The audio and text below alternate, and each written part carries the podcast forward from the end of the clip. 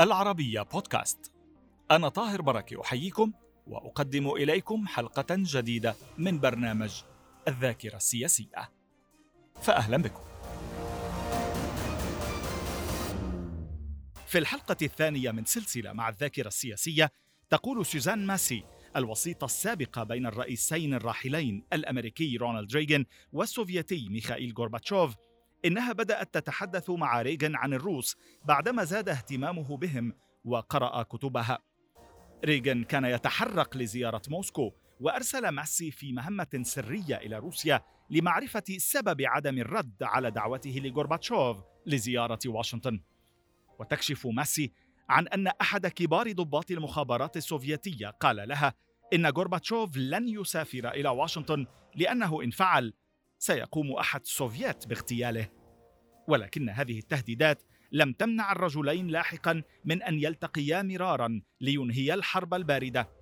ماسي شبهت معاهدة الحد من الصواريخ النووية متوسطة المدى التي وقع عليها الرئيسان في واشنطن في العام 87 بالمعجزة.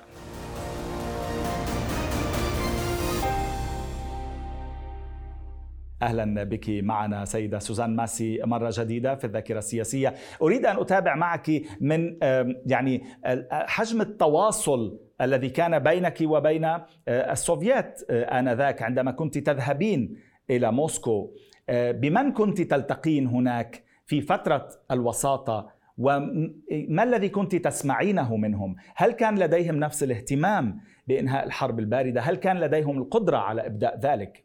You mean Now we're in Russia. نحن الآن نتحدث عن روسيا. نعم.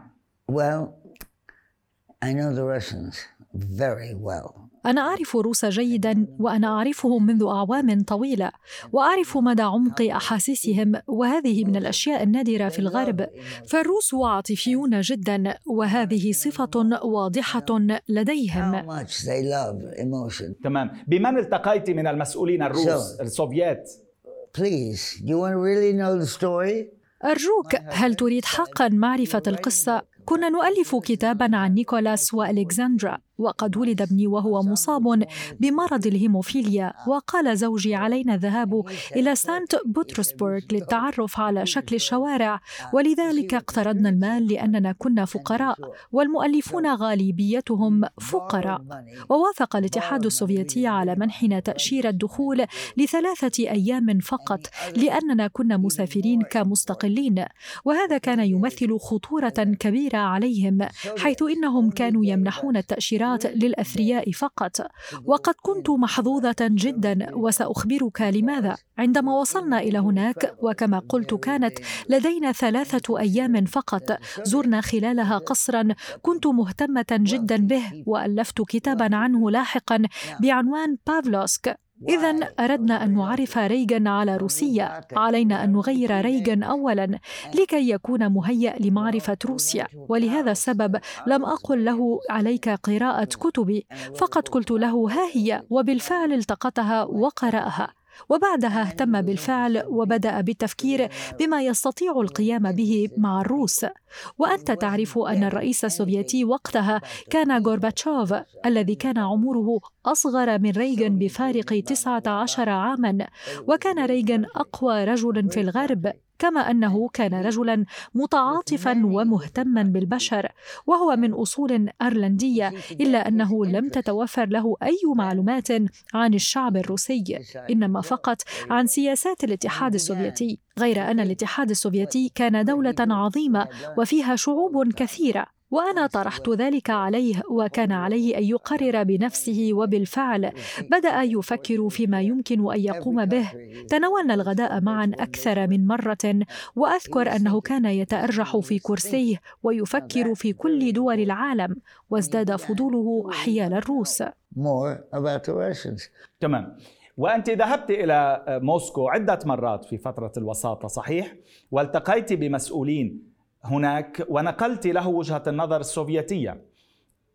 نريد أن نعرف لو سمحت ما الذي يعني سمعتيه من السوفيات ماذا نقلت لريغن مما قاله المسؤولون السوفيات Excuse me, but the Soviets عفوا لكن السوفيات وقتها كانوا فظيعين ومنشغلين بالقتل وبكسب الكثير من المال. أنا آسفة جدا. الغرب تجاهل كل ذلك. الشعوب الغربية كانت تعاني بشدة وكانوا يقتلون بكل سهولة وفي كل مكان. طب عندك عندما كنت no. تذهبين إلى هناك no, كان كان في مراقبة استخباراتية I didn't listen my dear sometimes. I look عفوا. نعم أحيانا. كنت أعرف الشعراء والتقيت شاعرا عند وصولنا لأول مرة إلى هناك. الاتحاد السوفيتي. وفي الحقيقة هذا الشاعر هو من وجدني في القصر. تماما مثل قصص الخيال. أمسك ذراعي وسألني هل ستعودين? وقلت له نعم. وكان ذلك في يومنا الثاني. وكما قلت لم يسمح لنا بالبقاء سوى لثلاثة أيام. وقدمت لنا الدعوة لحضور اجتماعهم. ودخلنا إلى قاعة فيها نحو خمسون شخصا لم يلتقي أحد منهم بأجنبي من قبل.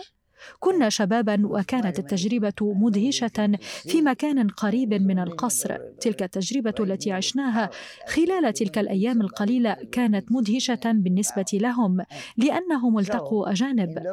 وهكذا بدأت أحدث ريغان عن تجربتنا وعن طباع الروس وما يحبون.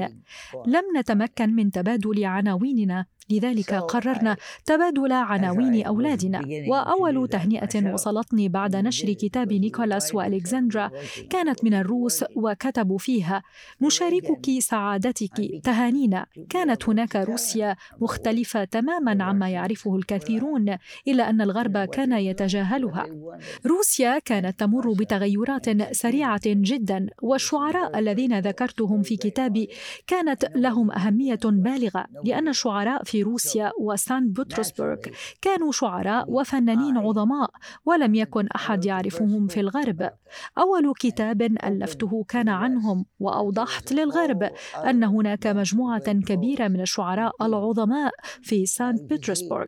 وكل هذه المعلومات وصلت لاحقا إلى ريغان الذي بدأ حينها يبدي اهتماما ورغب بمعرفة المزيد وبدأ يقرأ. لم أكن أملي عليه ما يقرأه فقط قلت له كل المعلومات موجودة وبإمكانه قراءة ومعرفة ما يرغب به وهذا ما قرره بالفعل. ومن هنا بدأت المحادثات مع غورباتشوف. أنا لم أخبر الرئيس بأن يتحدث مع غورباتشوف فهو رجل ذكي وقد زار مختلف أنحاء الولايات المتحدة وكان يعرفها أكثر من أي شخص آخر. عمل مقدم برامج والتقى مختلف أطياف الشعب وكما تعرفون أصبح لاحقا حاكم كاليفورنيا. And as you know, he became the governor of California. نعم حتى أنك اقترحت عليه في مرة من المرات للرئيس ريغن كما ذكرت في كتابك آه، أعطيته بيضة عيد فصح روسية. مكتوب عليها عليها صورة السيد المسيح ومكتوب عليها باللغة الروسية right, لن right, نسمح right, بتفجير right, العالم. I did. I did. I found it somewhere here. فعلت ذلك بالفعل. وجدت تلك البيضة في مكان ما في روسيا وعليها صورة مريم العذراء ومكتوب عليها باللغة الروسية لا تقصفوا لا تقتلوا وقال ابني أعطها لريغن. وبالفعل أعطيته إياها. نظر إليها ريغن وقال هل هذه من صنع الروس؟ قلت له نعم. وكان ينظر إلى البيضه ومرسوم عليها صورة مريم العذراء ولم يكن أحد يعرف حينها أن الروس متدينون جدا. لكن هذا هو حال الغرب لأنه لم يكن مهتما بما يجري في روسيا وأنا كنت محظوظة لأنني كنت مهتمة. تمام. وأنت اقترحتي عليه فعلا أن يقدم هذه البيضة عيد الفصح أن يقدمها ريغن لغورباتشوف. وهل فعل فعلا؟ He did. نعم فعل. البيضة كانت مصنوعة في روسيا وكانت لحظة إعطاء البيضة إلى غورباتشوف مؤثرة جدا. كما أتذكر فقد أعطيت البيضة في البداية إلى ابني الذي كان مصابا بالهيموفيليا. وكان معرضا لخطر الموت لكنه قال لي أعطها لريغن وهو ما فعلته وقبلها وقدمها إلى غورباتشوف آه، فعلا oh. عندما التقاه أتذكر أنه نظر إلى البيضة وسألني هل هذه من صنع الروس؟ نعم هل قدمها فعلا إلى غورباتشوف عندما التقاه لاحقا؟ I think so. I asked him and he smiled. أظن ذلك. سألته عن ذلك وابتسم. دعني أحدثك عن غورباتشوف. كان رجلا قصيرا بينما كان ريغان طويلا جدا وأقوى رجل في العالم. لكن كانت هناك بعض القواسم المشتركة بينهما. غورباتشوف كان مغرما بزوجته وكذلك هي كانت مغرمة جدا به وكانت ذكية جدا مثل نانسي ريغان وأعتقد أن الدبلوماسيين ارتكبوا خطأ كبيرا في هذا الخصوص. عندما يزور شخص ما مكانا مثل البيت الأبيض في روسيا من الأصول أن يكون على دراية بكل شيء ممكن عن تقاليد المكان. لكن ريغن عاش تجربة سيئة جدا في بداية تعارفه على غورباتشوف ونانسي لم تبلغ من قبل دبلوماسيين بالتقاليد المتبعة في روسيا.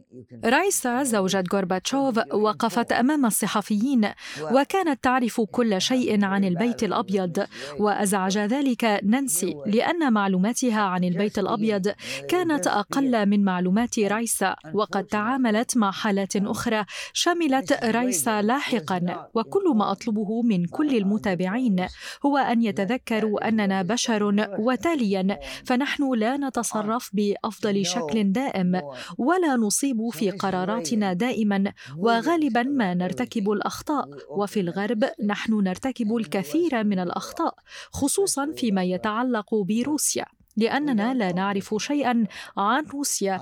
أما أنا فأعرف لأنني قضيت وقتا طويلا في التعلم عن الشعب الروسي. أما ريغن فلم ترده أي معلومات عن الشعب الروسي وهذا ما جعله يرغب بمعرفة المزيد عنهم وبدأ يسألني عن طباعهم.